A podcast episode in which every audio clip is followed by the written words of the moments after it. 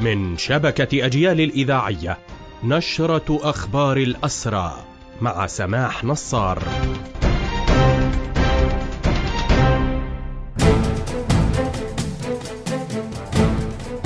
أهلا ومرحبا بكم إلى هذا اللقاء.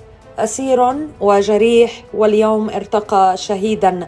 وقد نعت هيئة شؤون الأسرى والمحررين ونادي الأسير والحركة الوطنية الأسيرة والمحررون.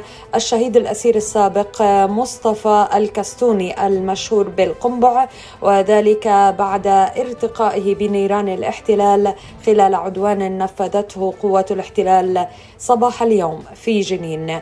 وقد أشير إلى أن الأسير الشهيد القنبع هو شقيق لأسيرين هما سامر المعتقل منذ عام 2022 وما زال موقوفا وهاني الذي تم اعتقاله صباح اليوم.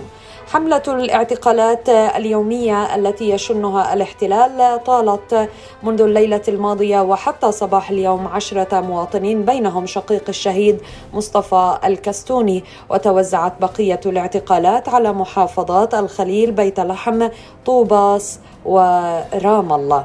وكذلك في أخبار نشرتنا سلطات الاحتلال صعدت من هجمتها على الأسرى في كافة السجون خاصة في النقب. ونفذت حملات اقتحام ونقل ضد الأسرى.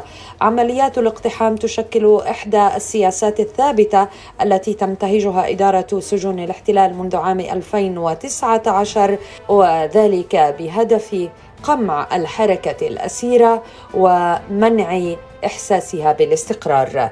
صباح اليوم إدارة سجون الاحتلال ومن خلال القوات القمعية قامت باقتحام القسم رقم ثلاثة في سجن النقب كما نفذت عمليات نقل تعسفية بحق الأسرى في سجن الريمون في أخبار هذه النشرة دخل الأسير محمد عدنان مرداوي وهو من عرابة في جنين عامه الخامس والعشرين في سجون الاحتلال منذ اعتقاله عام تسعة وتسعين.